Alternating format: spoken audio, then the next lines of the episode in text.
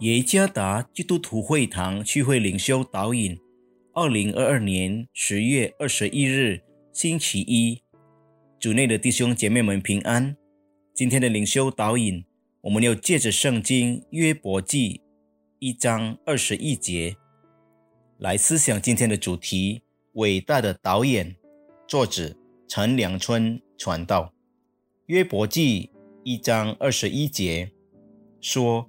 我赤身出于母胎，也必赤身归回。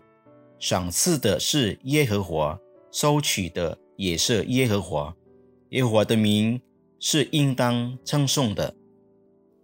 当我写有关莫斯约伯心里的交战这篇短文时，我在心里自问：为什么约伯在短时间里失去了孩子、财富和健康？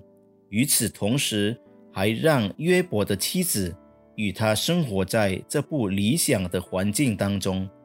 那里，当成为约伯帮助的妻子，却成了搅乱他的女人。这就是约伯的生活。当然，神最清楚其中的原因。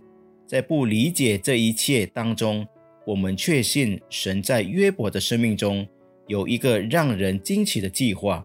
神用他的方式塑造了约伯的生命。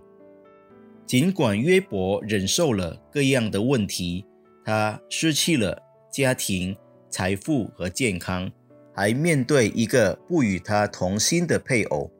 然而，他仍专注于生命的创造者和掌权者，因为上帝的意念永无错误。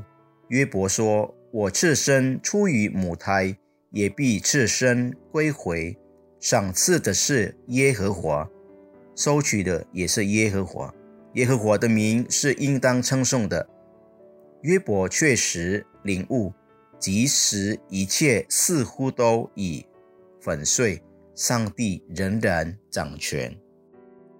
如约伯一样，神从未应许我们天赐长蓝。当困难临到时，我们未能从神得到解释，然而我们可以选择继续信靠他。无论我们面临什么失败或困难，相信上帝是伟大的导演，在编织神儿女的生命中从无错误。所以，当我们经历了所有的苦难和磨练时，我们可以像诗人一样说：“主啊，我的上帝。”你行了许多事，你的作为伟大，没有能与你相比的。若要一一成名，其实不可胜数。伟大的导演从未误导过我们的生活。神要赐我们能力，成为基督中心的门徒。愿上帝赐福弟兄姐妹们们。